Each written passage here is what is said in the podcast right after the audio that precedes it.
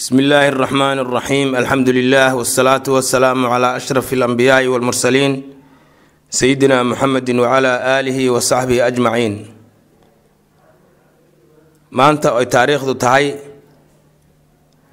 lix iyo tobanka bisha sideedaad labada kun iyo afar iyo tobanka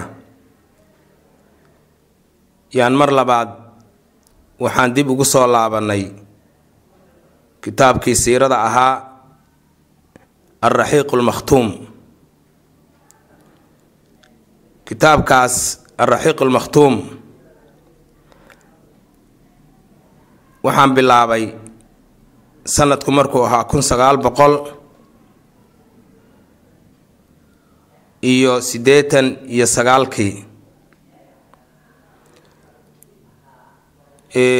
Waxaan u malaynayaa ma hubo oo ma dhihi karayo waa sidaas ma dhihi karaya laakiin waxay ila tahay oo ii rajaxan inuu ahaa markii koobaad ee siirada nabiga sala allahu calayhi wasalama kitaab ka mid ah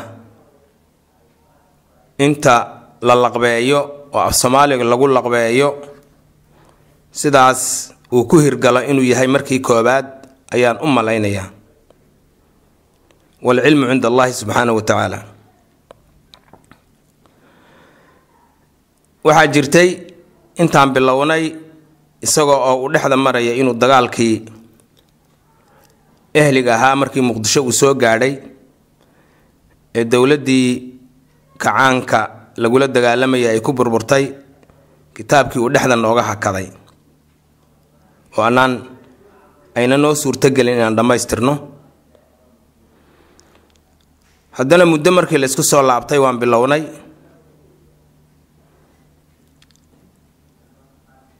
Haddana dagaalkii la magac baxay dagaalkii afarta bilood yaa haddana naga kala tuuray oo maanaan dhammaystirin.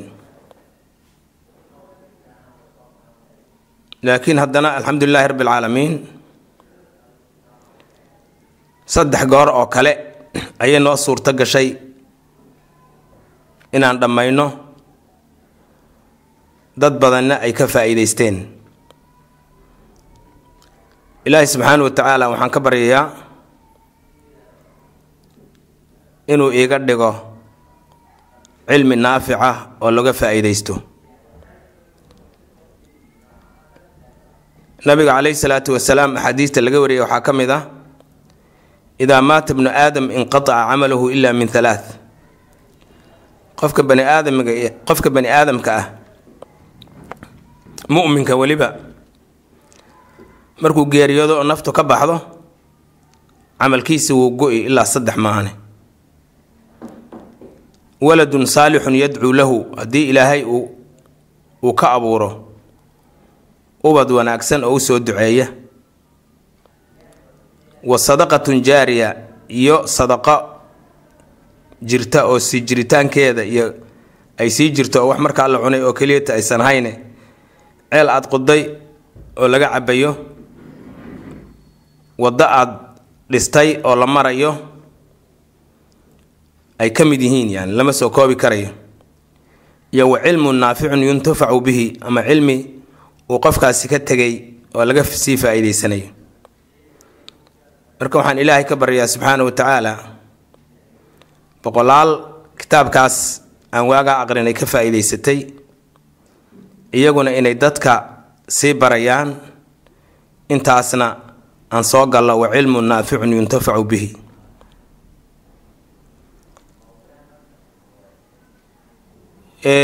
Kitaabka dee marka laga faa'iidaysanaya qaababka looga faa'iidaysanaya way badan tahay ama cilmiga uu qofku ka tegay siyaabaha looga faa'iidaysanaya way badan tahay. Waxaa ka mid ah inuu dad baro oo dadkaasi ay dad sii baraan. Taa waxaan rajaynayaa inay taasi dhacdo ay jiraan maanta boqolaal ama kumayaal kitaabkii raxiiqul makhtuumka ah ee saddexda jeer aan dhammaynay kumayaal ka faa'iidaysatay inay maanta dadka u sii aqrinayaan kuwaa ay sii bareen ay kuwo kala sii barayaan insha allahu tacaala aysan ay noqon doonto arrin weligeedba sii socota. Qaababka kale ee looga faa-iideysan kara waxaa ka mid a haddii kitaabkii la duubo isagana intuu duuban yahay iyo intii dhegaysatay oo idil iyo intaas baratay intay sii bartaba cilmigii sii soconayaa. Siiradii nabiga sala allahu caleyhi wasalam marka wuu jiraa inuu kitaabku duuban yahay oo dad badan ay ka faa-iideysteen way jiraan. Laakiin markii la duubayay kitaabka waxaa laga duubayay uun kitaabka oo soconaya yaa raadiyayaasha caadiga ayaa lagu duubi jiray ama rikoodhada caadiga ayaa lagu duubi jiray. Marka farsamada duubitaanku sidii la rabay ma ahayn marka hadda waxaan rajaynayaa insha allahu tacaala ilaahayna aan ka baryayaa inuu imakamiyo oo ii suurtogeliyo inaan farsamada cusub iyo technolojiga cusub annagoo ka faa-iideysanayna in si nadiif ah oo ruux kasta oo combyuutar haystaay uu ka faa-iideysan karayo bal iska daaye mobilada inta lagu shubto uu ruux walba iska dhagaysan karayo. Da'ibana da ay u sii gudbinayso. Inuu ilaahay hawshaana makamiyo ayaan ilaahay ka baryaynaa oon bilaawnayna waxaan is leenahay marka hore siirada nabiga maxaa loogu baahan yahay? In dadka la baro kitaabkii qur'aanka ahba yaallo ay dadku aqrisanayaan axaadiista nabiga ayaa taalla fiqigiibaa taalla siiro maxaa looga baahan yahay?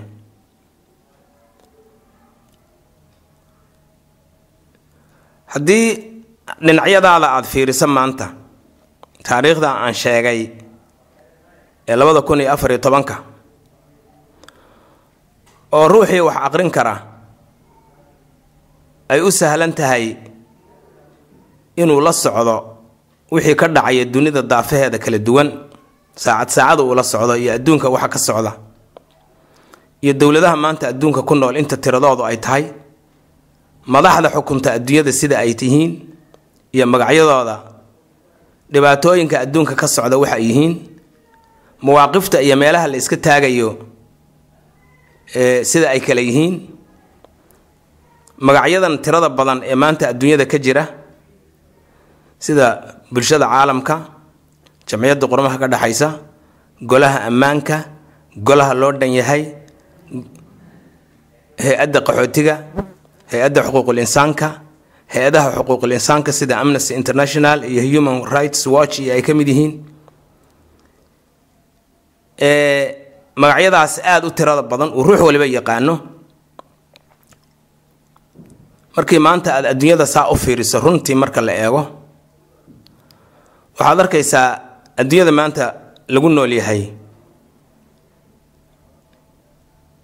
Inay u badan tahay xagga maadada iyo farsamada iyo technolojiga waagay adduunyadu ugu sarreysay ay ugu horumarsanayd inay tahay. Xalay oo ugu dambeysay waxaan fiirsanayay baabuur iyagu iswadaya oo dadkii ninkii baabuurka lahaay kursiga dambuu iska fuulaya. Baabuurku isagaa iswadaya waa la borogaraamaareynayaa isagaa iswadaya waxaa laga yaabaa baa la yidhi mustaqbalka baabuurka mustaqbalku inuu kaa yahay. Maalin walba wax lala yaabo oo farsamo ah yaa adduunka ku soo kordhaya. Marka marka la eego xagga hore marka laga gaadhay farsamada iyo technolojiga waxaad is leedahay malaha waxbaba ma hadhin. Laakiin marka loo baydho xagga qiyamta iyo akhlaaqda marka loo baydho waxaad is leedahay waa markii adduunyada loogu liitay malaha. Qiyamta iyo akhlaaqda haddii laysku soo wado ururiyo wixii u dhexeeya bani aadamka dhexdiisa marka la eego. Isagoo oon la fiirininba qofka diintiisa iyo jinsigiisa iyo waxba isagoo oon la fiirinin. Yaa waxay tahay qiimada uu insaanku leeyahay ee ugu weyn waa karaamadaysa maxaa jira? Allah subxaana wa tacaala wuxuu yihi walaqad karamnaa bani aadama. Nebi aadam ilmihiisii nin kastaba ha ahaadeen ama ha caddaadeen ama ha madoobaadeen ama jaallo ama yeelo ha ahaadeen midab kasta ha ahaadeen ha lahaadeen af kasta ha ku hadleen wax kasta ha rumaysnaadeen kulligood waa la wada karaameeyey. Karaamadaasi marka waxay ka kooban tahay waxyaabo badan bay ka kooban tahay karaamadaasi. Waxaa ka mid a karaamada insaanka uu ilaahay ku karaameeyey alxuriyatu inuu xor yahay ousan addoon ahayn ee uu xor yahay. Waxaa kale oo karaamada ka mid ah qofku inuu aamin yahay aaminun fii nafsihi wa fii ahlihi wa fii maalihi qofku inuu amni haysto. Waxaa kale oo ka mid a karaamada bani aadamka inuu gaajo iyo silic iyo darxumo inuu ka madax bannaan yahay. Waa midda allah subxaana wa tacaala uu quraysh ee ugu madno sheeganaya uu leeyahay liilaafi quraysh. Ilaafihim rixlat ashitaai wasayf falyacbuduu raba hada albeyt alladii acamahum min juucin wa aamanahum min khowf labada labada ilmo hoog ee adduunyada bani aadamka haysata waa gaajo iyo cabsi marka labadaa inuu ka xor yahay labadaas qof ay hayaani xor ma wada aha. Mukaramna ma wada aha. Waxaa kale oo intaas ka sii wada daran. Waa inuusan ahayn insaan madluum ah qof dulmiga. Kelmadaasaan intaasoo khad yaan hoosteeda marinaya. Dulmi gardaro dulmiguna muxuu yahay? Dulmigu wuxuu leeyahay laba garab buu leeyahay. Garab waxa weeye xaq adigu aada lahayd oo lagaa duudsiyo garabka kalena waxa weeye dembi aadan gelin oo dusha lagaa saaro. Adduunyada markaad maanta sidaa u fiiriso waxaa ka hana qaaday. Waxaa meel walba yaalla dulmi baa yaalla ninba ninkuu ka xoog badan yahay ayuu dulminayaa. Dowladihii waaweynaa kuwii yarar bay dulminayaan. Ilaa laga gaadho dee qabaa'ilka iyo meel walba ninba ninkuu ka awood badan yahay yuu maanta xaqiisana qaadan. Dembi uusan lahaynna uu saari. Waxaase waa cadaalad ee ha sameeyo cid dhahaysa ma falastiin marka la laynayo khaza marka waxaan arkay lagu garaacayo wax dhahaya war nimankaas waa laga gardaran yahay oo adduunyada maanta ah way yaraadeen.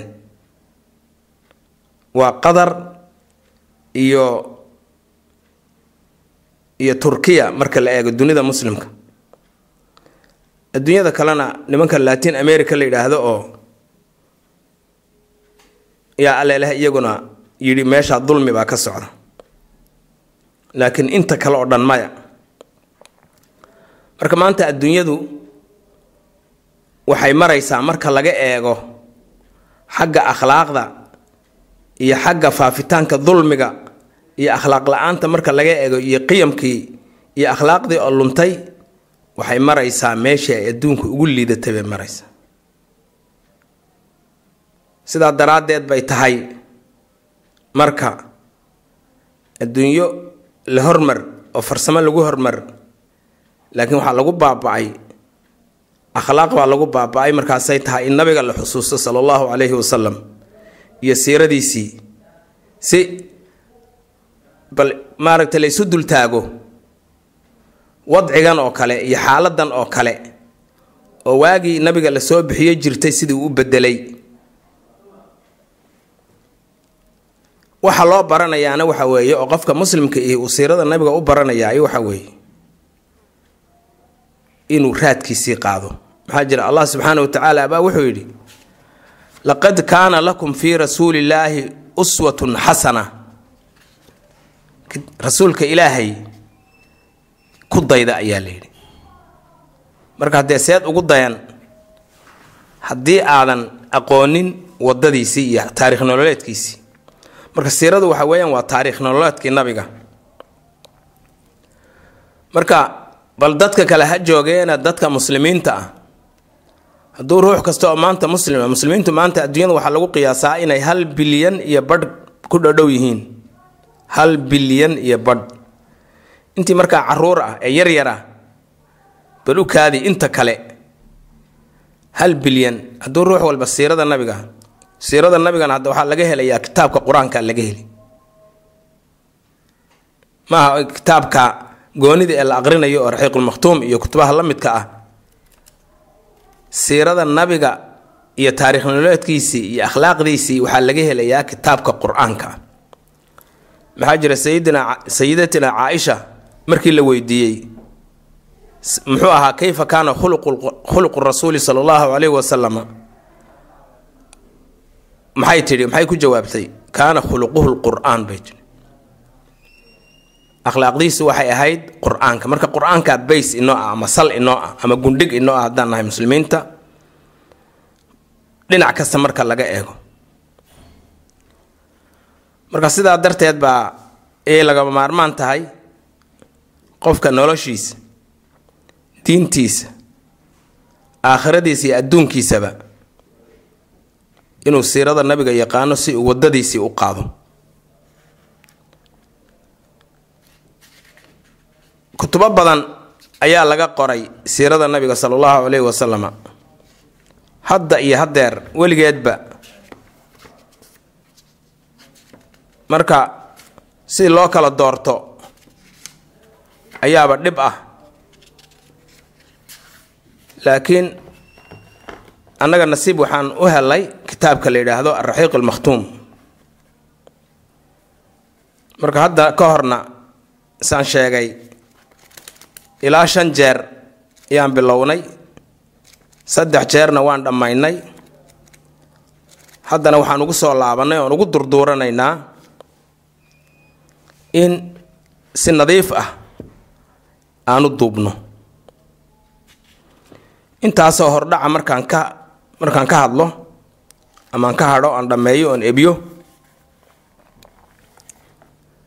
dabcadan hadda aan hayno faraha ku hayno waxa weeyaan waxay dabcadihii hore uga duwan tahay. Sheekha intuusan geeriyoonin allah yarxamuhu raxmatan waasica. Sheekha kitaabkan qoray uu geeriyooday hadda. Ilaahay naxariistiisa jannaha ka waraabiyo. Dhaxalna wuu ka tegay oo isaga hadda wa cilmun naaficun yuntafacu bihi.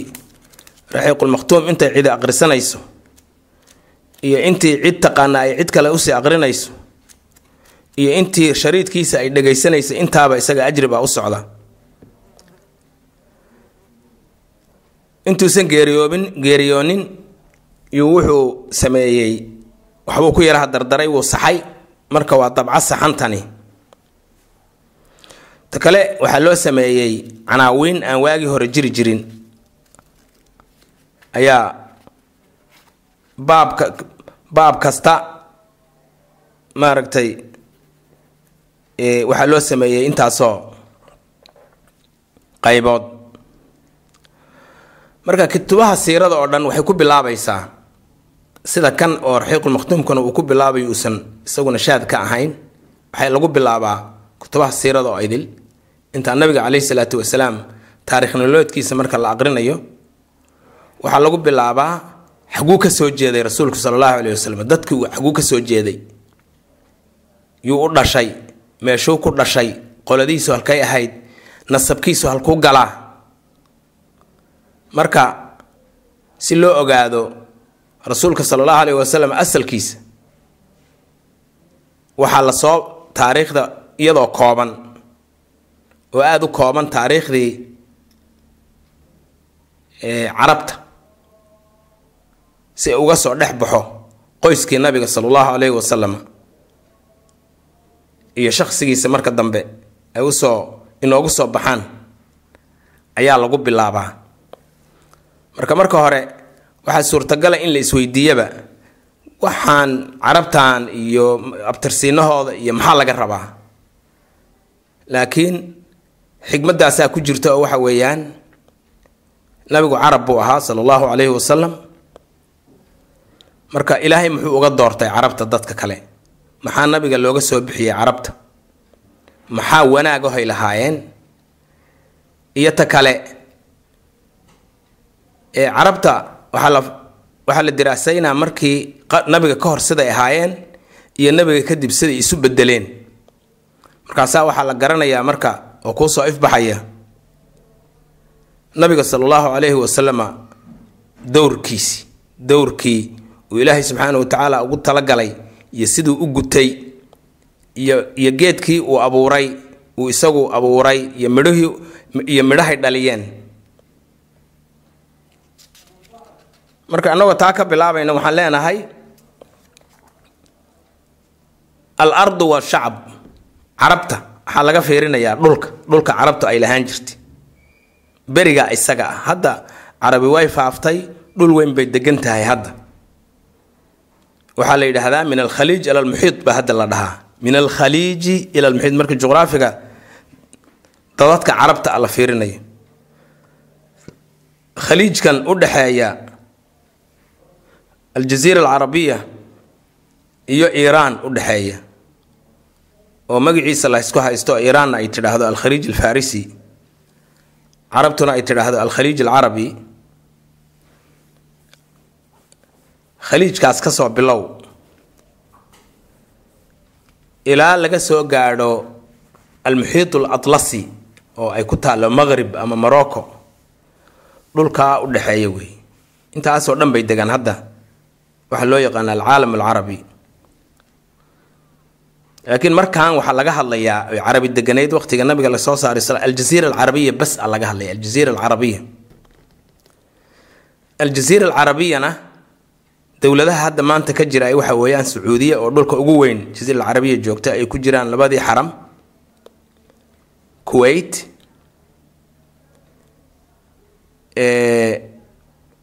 qeyb yaman ka mid a yaman hadda maya adigu yamani yaman bay ahaan jirtay. Iyo iyo imaaraadka iyo mas maxaa la yidhaahdaa cumaan iyo inahaas intaas aljaziira alcarabiya. Yaa la dhihi jiray welina la yidhaahdaa. Marka taariikhda laga hadli iyo dhulka iyo shacbiga la sheegayaay waa aljaziira alcarabiya. Marka dhulka dabeicadiisu maxay ahayd? Dadka deganayay ahaayeen. Ilaa halkaa unbuu ka soo baxay rasuulku sala allahu aleyh wasalam iyo qoomkiisii quraysh ahaa iyo reer bani haashim. In iyaga lagu tagaa rabaa maxaa jira reer bani haashim iyo quraysh meel cidlaa kama imanin alxukm waliqtisaad maamul ma ka jiray say isu maamuli jirtay carabtu dhaqaalahoodusa muxuu ahaa iyadana waa laga hadli doonaa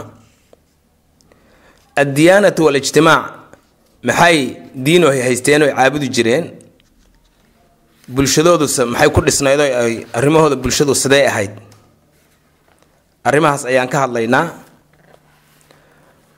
mawaaqicu alcarabi wa aqwaamuhaa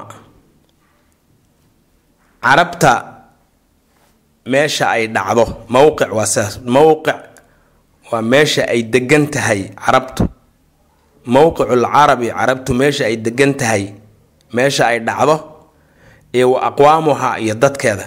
Marka mowqicna waa dhulkii qowm iyo aqwaamna waa dadkii marka kitaabkaan aqrinaynaa ina siirata dhab ahaantii siirada ama taariikh nololeedka annabawiyati ee nabiga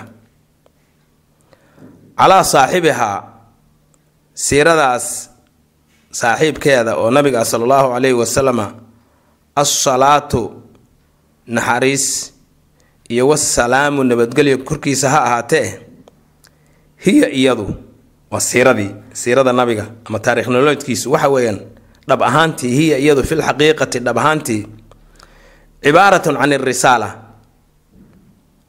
waxay u taagan tahay risaaladii wixii loo soo diray rasuulka sala allahu caleyhi wasalam oo alla u soo diray allatii risaaladaasoo xamalahaa uu xambaaray rasuulullaahi rasuulka ilaahay uu xambaaray uu u qaaday ila almujtamaci albashari bulshaweynta bani aadamka iyo adduunka.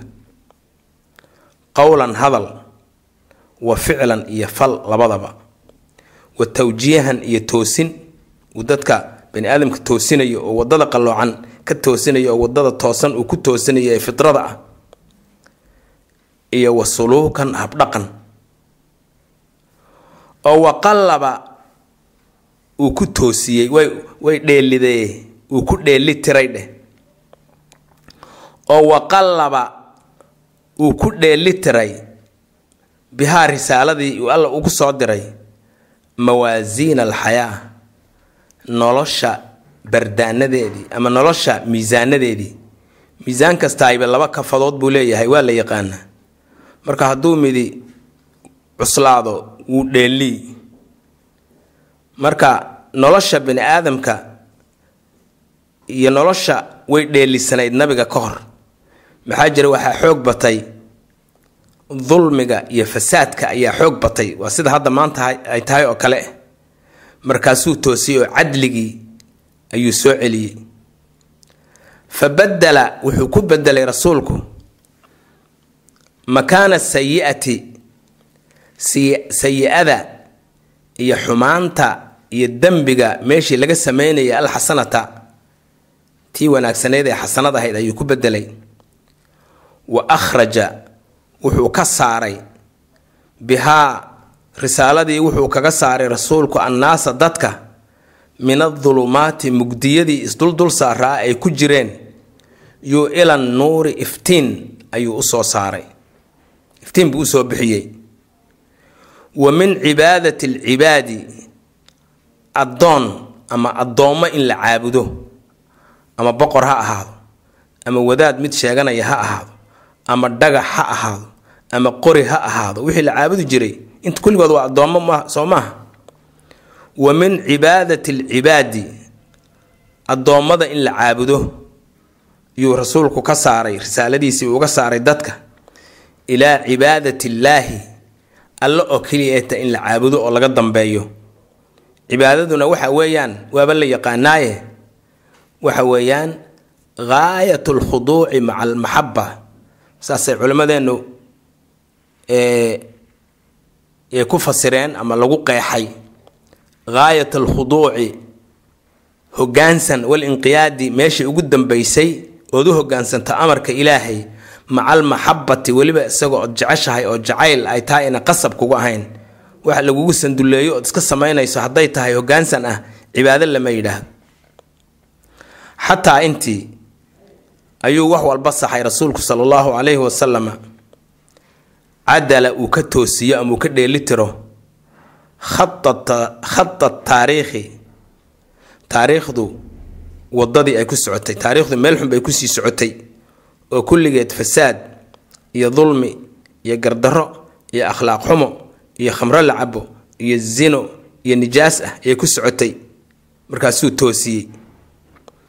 Wagayara wuxuu bedelay majra alxayaati waddada noloshu meeshii wadadii ay ku socotay. Markan waxaan oo dhan waxaa lagu yidhaahdaa af carabiga isticaaro ayaa la yidhaahdaa.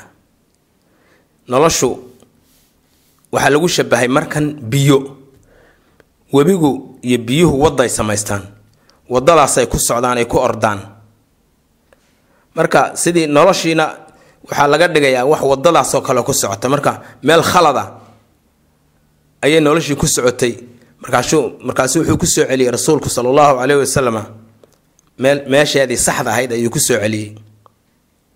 Wagayara wuxuu bedelay majra alxayaati noloshu makaankii ama meeshii ay ku socotay ayuu bedelay fi lcaalami alinsaani. Caalamka bani aadamka oo dhan ma aha oo keliyata muslimiinta caalamka oo idil walaa yatimu suurtagalna ma aha buu yidhi. Ixdaaru hadihi suurati araa'ica muuqaalkan yaabka leh. Suurada waa muuqaal. Alraa'icati intay quruxdu ka badatay yaab kale aad la yaabayso. Wixii markii ay quruxdu ka badato way qurux badan yahay lama yidhaahda wuu kaa yaabinaya walaa yatimu suurtagal ma ixdaaru hadihi suurati muuqaalkan isaga ama sawirkan kada in la keeno oo la soo xaadiriyo alraa'icati ee yaabka badan ilaa bacda almuqaaranati markii laisbarbar dhiga kadib maahane. Bayna albay-ati deegaankii allatii deegaankaasoo sabaqad ka horeysay haadihi risaalata risaaladantada ka horeysay iyo wa bayna maa aalat ilayhi iyo kadib wixii ay siday noqotay bacdaha risaalada kadib. Yacni haddaan muqaarano la sameyno aan wax laysbarbar dhigin wixii xaqiiqadiisa lama fahmi karayo. Yacni rasuulka sala allahu calayhi wasalama dowrka uu gutay iyo risaaladii allah uu soo dhiibay subxaana wa tacaala siduu u gutay iyo siduu uga midho dhaliyey iyo siduu ugu guulaystay waxaa laga fahmi karaa oo keliyata marka la isbarbar dhigo noloshu siday ahayd dadku siday ahaayeen risaaladiisa ka hor iyo markii risaalada kadib sida ay noqdeen. Marka mar hadday sidaas tahay wahaada arrintaa iyadii yaqtadii waxay qasbaysaa oy keenaysaa yani arrintaasi waxay ka dhigaysaa arrin lagama maarmaana wahaada kaas oo ah in la isbarbar dhigo dadku iyo noloshu siday ahayd rasuulka sala allahu calayhi wasalam intii aan la soo bixinin iyo sidii dadka iyo noloshu ay isu bedileen markii la soo bixiyey kadib arrintaasi si loo fahmo arrintaasi waxay inagu dhalinaysaa oo keenaysaa taqdiima fusuulin qaybo in la keeno muujazatan oo gaaban oo la soo gaabay oo kooban can aqwaami alcarabi carabta qolooyinkoodii qolyihii carabta asay kala ahaayeen iyo wa tatawuraatiha iyo siday isu bebedeleen qabla alislaami islaamka ka hor. Yacni arrintaasa waxay inagu dhalinaysaa wahaadaa arrintaas yaqtadii waxay inagu dhalinaysaa oy keensanaysaa oy qasab ka dhigaysaa taqdiima fusuulin fasallo in la keeno fasallo in la soo hordhigo fusuushaasoo muujazatin gaagaaban oo la soo gaabiyey. Waxba dhaadheerayn. Oo ku saabsan can aqwaami alcarabi carabta qolooyinkoodii qolooyinkii carabta ahaa iyo wa tatawuraatiha iyo siday isu bebedeleen qabla alislaami islaamka ka hor. Marka waa dadkii waay dadkii iyo wa can taariikhi alxukuumaati. Haddiiba ay jireen wax la dhihi karo xukuumado iyo dowlado iyo wal imaaraati iyo imaarado amiiro iyo imaarado haddii ay jireen taariikhdoodii iyo wanudum alqabaliyati iyo qaab dhismeedka qabaa'ilka. Qaabka la maamulo ay isu maamuli jireen qabiilkuna nudum qabaliya la yidhaah waa xeerkii iyo waxay lahaan jireen. Allatii intaasoo kaanad ahayd saa'idatan mid jirta.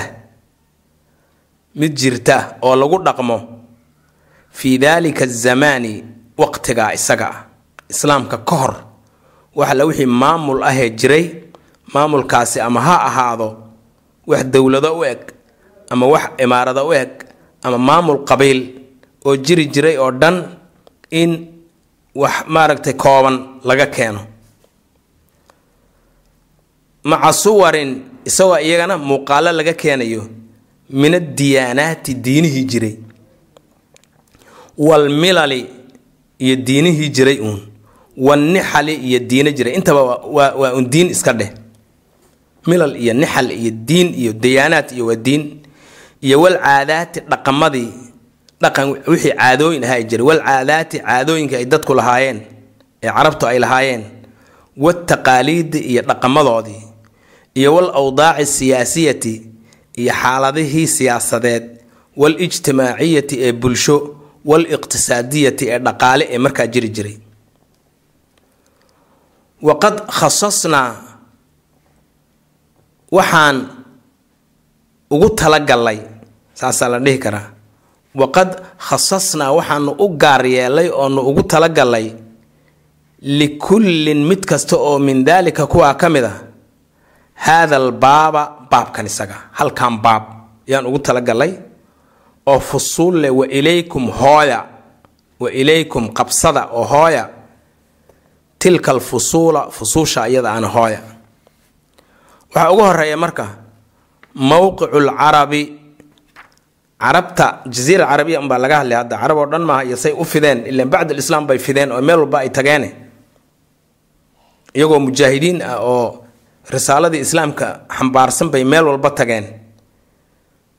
Kuwaas lagama hadlayo laakiin markaas intaan nabiga la soo bixin carabtu xaggay degi jireen marka la yidhaahdo yaa laga hadlayaa mowqicu lcarabi carabta dhulkoodu meesha uu dhaco ama meeshuu ku yaallo? Meeshuu dhaco ama meeshuu ku yaallo. Wuxuu yihi kalimatu lcarab kelimada la yidhaahdo alcarab. Kelimadaa la yidhaahdo cayn ra ba ereygaas kelimadaas alcarab la yidhaahdo. Tunbiu waxay kuu sheegaysaa oy ka waramaysaa oy ku tusinaysaa. Waa naba al amba soo lama yidhaha alakhbaar. Al akhbaarna waa la yidhaha al ambana waa la yidhaha. Weliba waxaa la yidhahdaa haddaad u kala haddaad u fiirsato al ambaa waa al akhbaaru lmuhima akhbaarta muhiimka ayaa yaa la yidhaha naba. Walidaalika walaa yunabiuka mithlu khabiir. Walaa yunabiuka mithlu khabiir. Marka naba naba waa khabar muhiim ah. Waa khabar oo ka muhiimsan kuwa caadiga ah. Kalimatu lcarab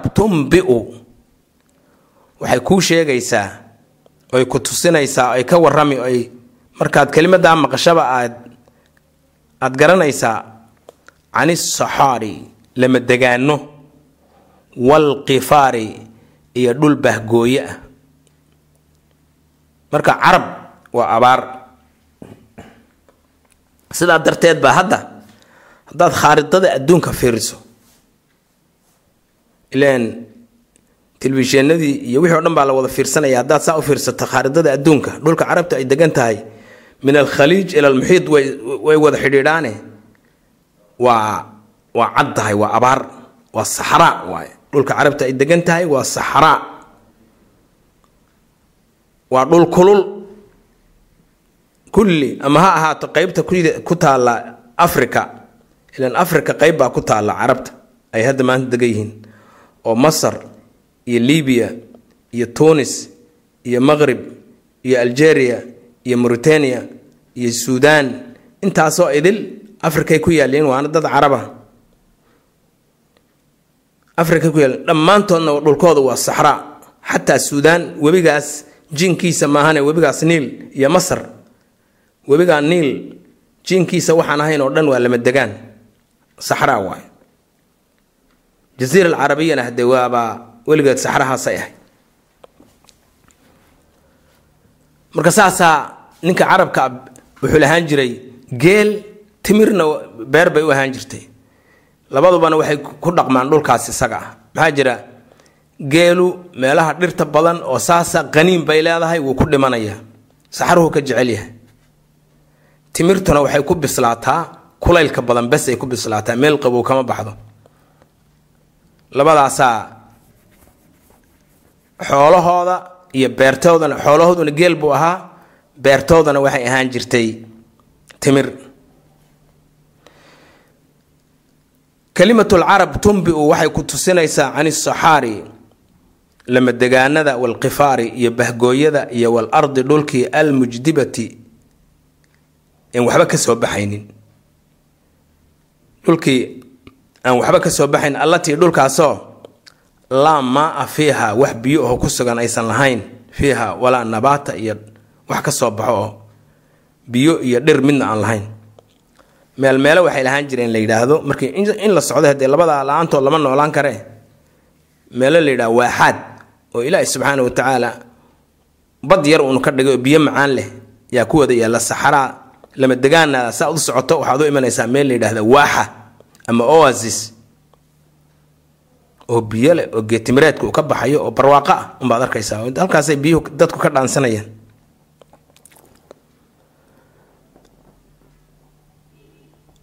Waqad utliqa waxaa loo bixiyey saasaad ereygaas leedahay utliqa. Waqad utliqa waxaa loo bixiyey haada lafdu lafdigan isaga ah ama ereygan isaga ah oo carab ah mundu aqdami lcusuuri laga soo bilaabo waqtiyadii iyo xiiladii ugu horeysay oo bala yaqaano oo bani aadam u yaqaano calaa jasiirati alcarab. Dhulkan loo yaqaano aljaziira alcarabiya ee hadda maanta dhulkan sacuudiga loo yaqaano iyo kuweydi ay ugu xooga badan yihiin yaa weligeed dhulkaasaa carab loo aqoon jiray. Kamaa sidii utliqa loogu bixiyey calaa qowmin qolo. Qoladaasoo qatanuu degeen tilka al arda dhulka iyaga ah kuwii degayna oo watakhaduuha mowtinan ka dhigtay dal ay degaan ka dhigteen lahum iyagana carab baa loo bixiyay dhulkana carab baa la yidhaahdaa aljaziira alcarabiya la yidhahdaa jaziirat alcarab dadkana alcarab yaa loo bixiyey. Wa jasiirat alcarab jasiiradda carabta yaxuduhaa waxaa soohdin u ah soohdin. Waxaa u ah qarban xagga qorax ka dhac qorax u dhaca xaggeeda. Jasiira carab marka la yidhaahdo meeshay qoraxda u dhacdo ama galbeed waxaa soohdin u ah albaxru laxmar badda cas. Wa shibhu jasiirati saynaa iyo jasiirad u ekayda saynaa waa dhulkan hadda masar buu raacsan yahay dhulkan masar wey. Shibhu jasiiratu saynaa marka laga soo gudbo qanaatu suways ilaa laga yimaado ghaza iyo dhulkan hadda ay yuhuuddu haysato laga soo gaadho oo falastiin ah dhulkaa u dhexeeyaa la yidhaahdaa meelo barakaysan baa ku yaalla meeshii allah subxaana wa tacaala uu nabi muuse kula hadlay oo jabalu tuur iyo ayaa ku yaalla shibhu jasiiratu saynaa qur'aankana way ku soo aroortay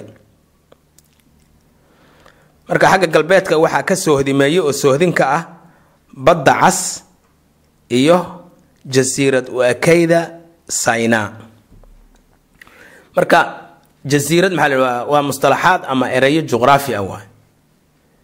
Jasiirad waxaa la yidhaahdaa dhul afarta jahaba ay biyo ka maraan. Yaa jasiirad la yidhaah. Shibhu jasiirana waxaa la yidhaahdaa dhul saddex jiho ay biyo ka maraan.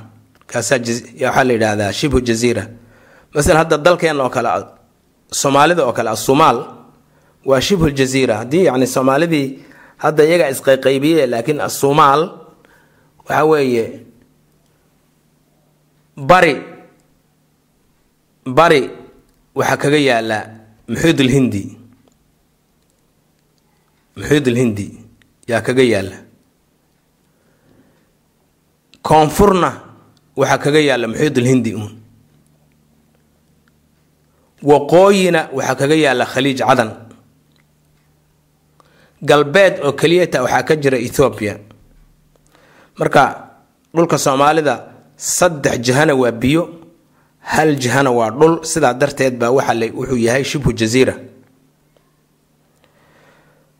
marka shibhu jasiiratu sinaa sidaas weeye wa sharqan xagga barigana waxaa ka soohdimeeye oo soohdin kaga ah alkhaliij alcarabi khaliijka carabta. Khaliijka carabta. Khaliijna waxaa la yidhaahdaa biyo biyo. Meel bad bad intay intay ka soo baxdo labada dhinacba uu dhul ka yahay labada dhinac waa dhul baa ka ah. Meelna way la xidhiidhaan oo badna dhinac bay kala xidhiidhaan. Kaana khaliij baa la yidhaahdaa. Badna ma aha waana yar tahay. Marka barina waxaa kaga yaalla alkhaliij alcarabi iyo wa jus-un qeyb oo min bilaadi alciraaqi aljanuubiya koonfurta ciraaq ka mida maxaa jira ciraaq jaziira alcarabiya ka mid maaha wa januuban koonfurna. Hadda markan uu sidan yahay yaman buu ku daray. Wa januuban koonfurna waxaa ka mida baxrul carab badda carabta. Alladii baddaas carabta oo huwa isaguba imtidaadun libaxri lhindi baddan hindiya ama muxiid baa hadda la dhahaa. Badweynta baddu markay aada u weyn tahay muxiid baa hadda loo bixiyey. Laakiin isagu sheekh wuxuu iska isticmaalay mustalaxaadkii ama erey bixintii hore baxrulhindi waa muxiidulhindi waa muxiidulhindiga hadda ay muqdisho iyo ay ku yaaliin marki iyo kismaayo ay ku yaaliin qaybta xagga jasiiradda carabta xigta yaa baxrul baa layska dhahaa. Inta xagga waa muxiidulhindigii uun. Laakiin inta iyaga xaggooda xigta yaa baxrul carab la idhaha sida loo dhihi karo inta inaga dhulkeenna xigta baxru suumaal baa la dhihi karaa wa shamaalan waqooyina bilaadu shaam dhulka shaam loo yaqaano oo ka kooban urdun suuriya iyo lubnaan. Intaasna shaam baa la yidhaah waqooyigana waxaa ka yaal waxaa kaga yaallo oo ka xadeeya oo ka soohdimeeya ama soohdin ku ah bilaad shaam iyo wajus-un qeyb oo min bilaadi alciraaq dhulka ciraaq ka mid a cala ikhtilaafin fii bacdi hadihi alxuduud xuduudan qaar ka mida isagoo la isku yaraa khilaafsan yahay. Wa tuqadaru waxaa lagu qiyaasaa masaaxatuhaa masaaxadeeda baaxaddeeda.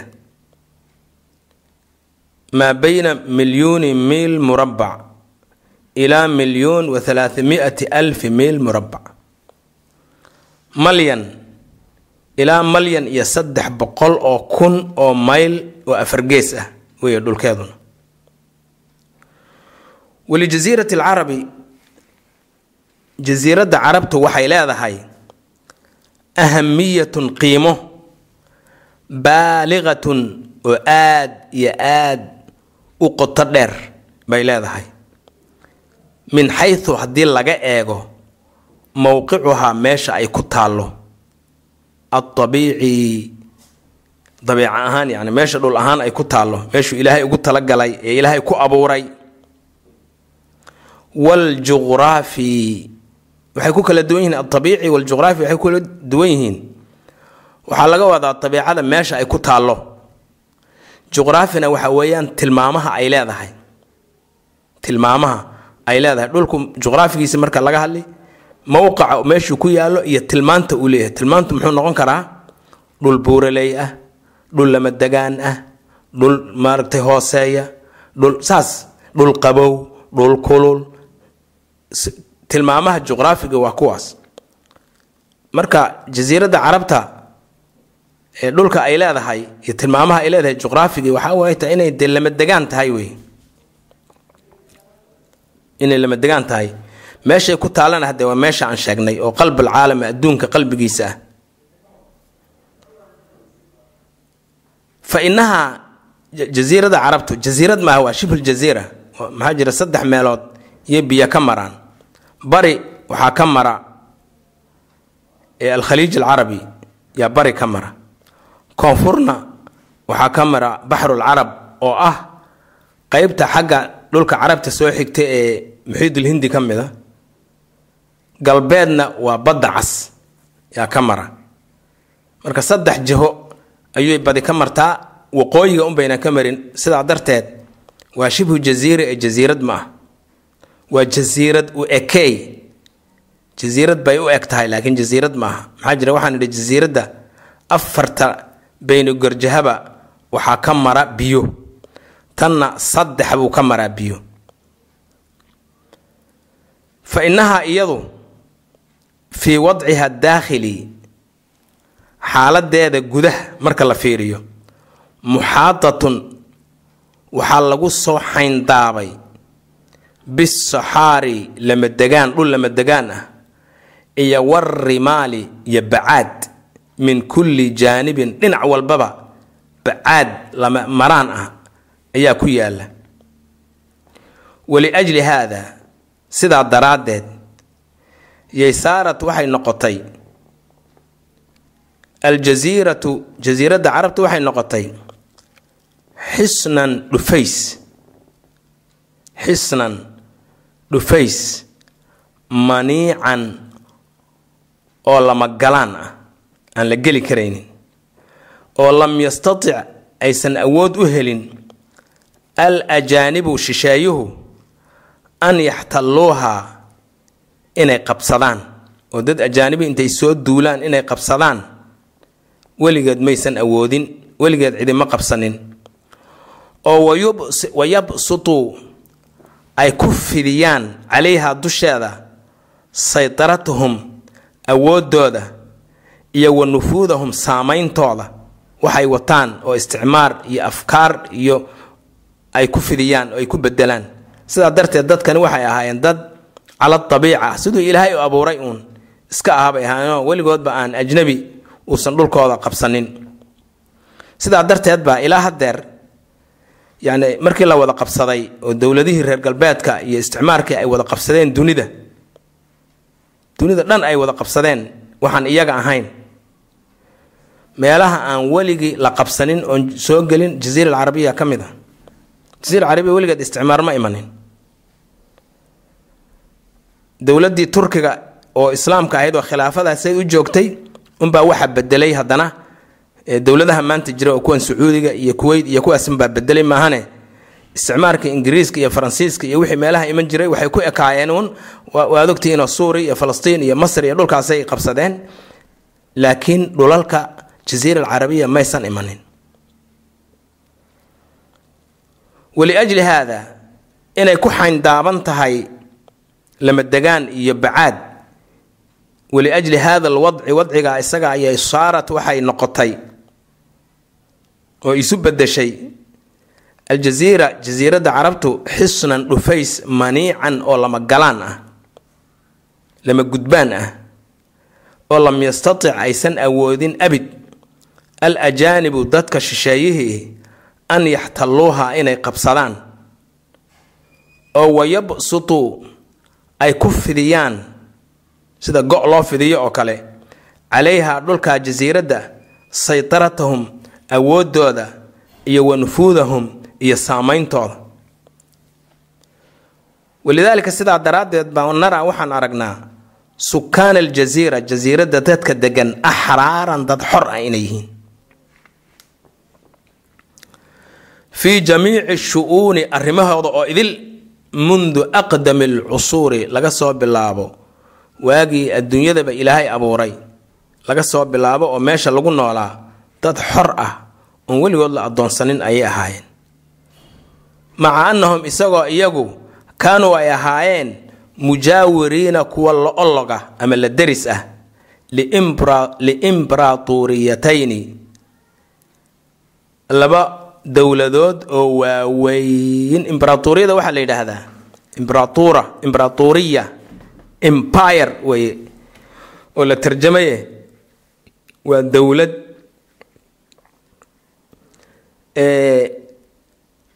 wax hal ummad ka mida xukunta ummado badan ama qaarado badan iyo xukunta.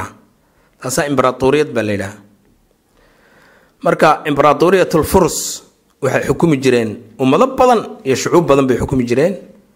Tii ruumna dad badan bay xukumi jireen kadibna waxaa jiray hadda imbraaturiyaad badan oo kale ayaa jirtay. Marka waxba hadda taas sii raadraaci mayno laakiin taariikhda adduunka imbaraaturiyado badan ayaa soo maray oo dowlado intay awood yeesheen dalal badan iyo shucuub badan iyo ummado badan xukuma oo awoodoodu ay hoos timaado taa roomaanka midii furuska markii dambe mid ruushka uu leeyahay faransiisku mid uu lahaa tii ingiriiska tii dowladii cuhmaaniyada waxaasoo idil waa wax taariikhda soo maray oo waxaa la yidhaahdaa imbraaturiyaad baa la yidhaha marka waqtigii uu nabiga allah subxaana wa tacaala nabigeena la soo bixinayay carabtu jasiira alcarabiya degan waxay la olog ahaayeen iyo muddadii ka horreysayba laba imbraaturiyadood laba dowladoodoo waaweyn oo hadda kuwa super power baa la yidhaahdaa. Waa sida hadda oo maaragtay maraykanka oo kale iyo shiinaha iyo ruushka iyo inkastan hadda ummado kale aysan xukumin laakiin hadda waa dowlado waaweyn.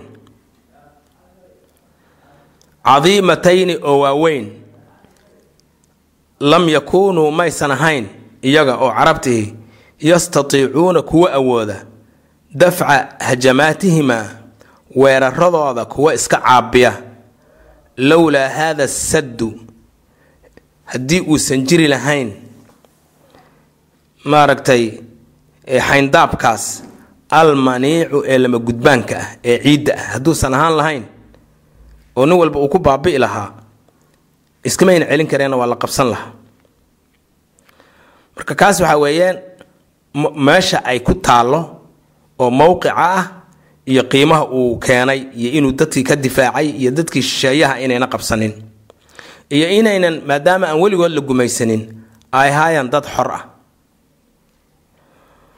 wa amaa binisbati ila alkhaarij haddii loo eego dibadda jasiira alcarabiya wixii bannaanka ka ah haddii la fiiriyo oo saas khaaridada adduunka ama maabka adduunka haddaad saa u eegto iyadii waan fiirinay haddaad adduunka saa u eegto see bay u muuqanaysaa.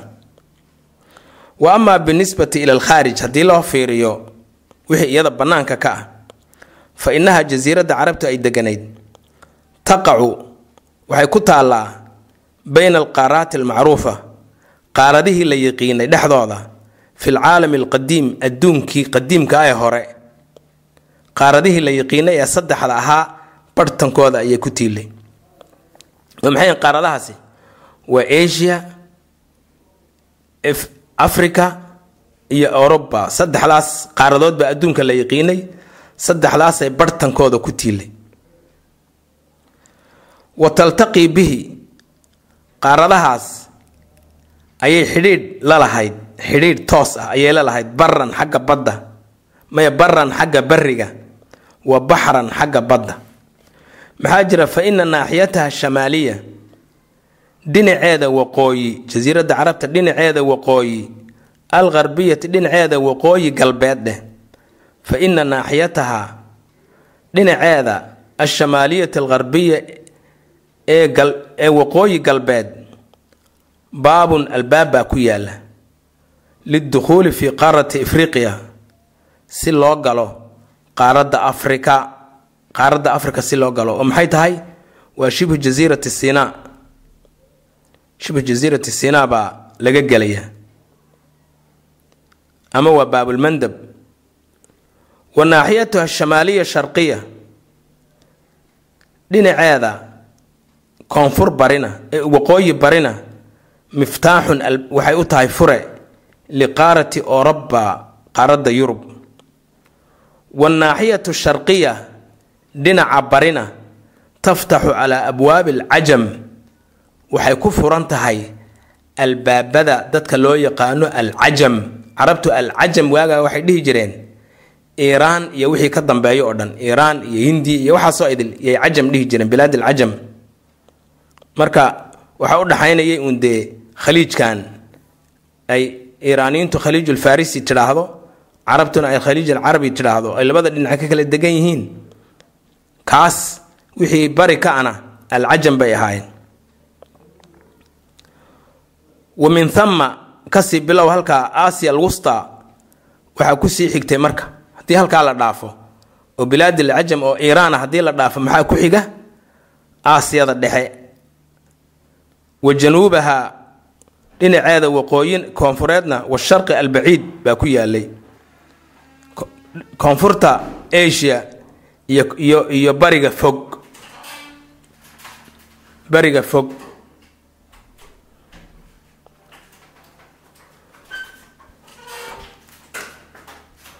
Wakadalika sidaasoo kale bay taltaqi la kulantaa kullu qaaratin qaarad waliba biljasiirati alcarabiya jasiiradda carabta baxran xagga badda. Oo wa tursi ay ku soo xidhataa tursi ay ku soo xidhataa sufunuhaa maraakibteeda iyo doonyaheedu. Maraakibteeda dha sufunaha doonyaheeda iyo wa bawaakhiraha maraakibteedu. Calaa miinaai ljasiira xeebaha ama waxaan u jeedaa dekadaha jasiiradda ra-san si toos ah yay ugu soo xidhaan. Waliajli hada alwadci juqraafi xaaladaas iyo wadciga juqraafiga ah daraaddi waliajli hada alwadci xaaladaas aljuqraafi ee dhuleed yaa kaana wuxuu ahaaday shamaalu ljasiirati jasiiradda oo jasiiradda carabta waqooyigeeda iyo wa januubaha iyo koonfurteeduba waxay ahaayeen maw-ilan lil umam meel ay ku soo hirtaan ummadaha oo idili wa markasan waxay u ahaan jireen xarun litabaaduli tijaara oo ganacsiga lagu kala bedesho iyo wathaqaafati iyo kasmada iyo wadiyaanati iyo diimaha iyo walfunuuni iyo iyo fanka intaba. Marka qeybta koowaad ee darsigan waxa uu ku ekaanayaa intaasoo mowqicii ku saabsan kadibna waxaa ku xigi doonta mowqicii maadaama aan sheegnay dadkii ku noolaa oo aqwaamtoodii ah. Wallahu subxaana wa tacala aclam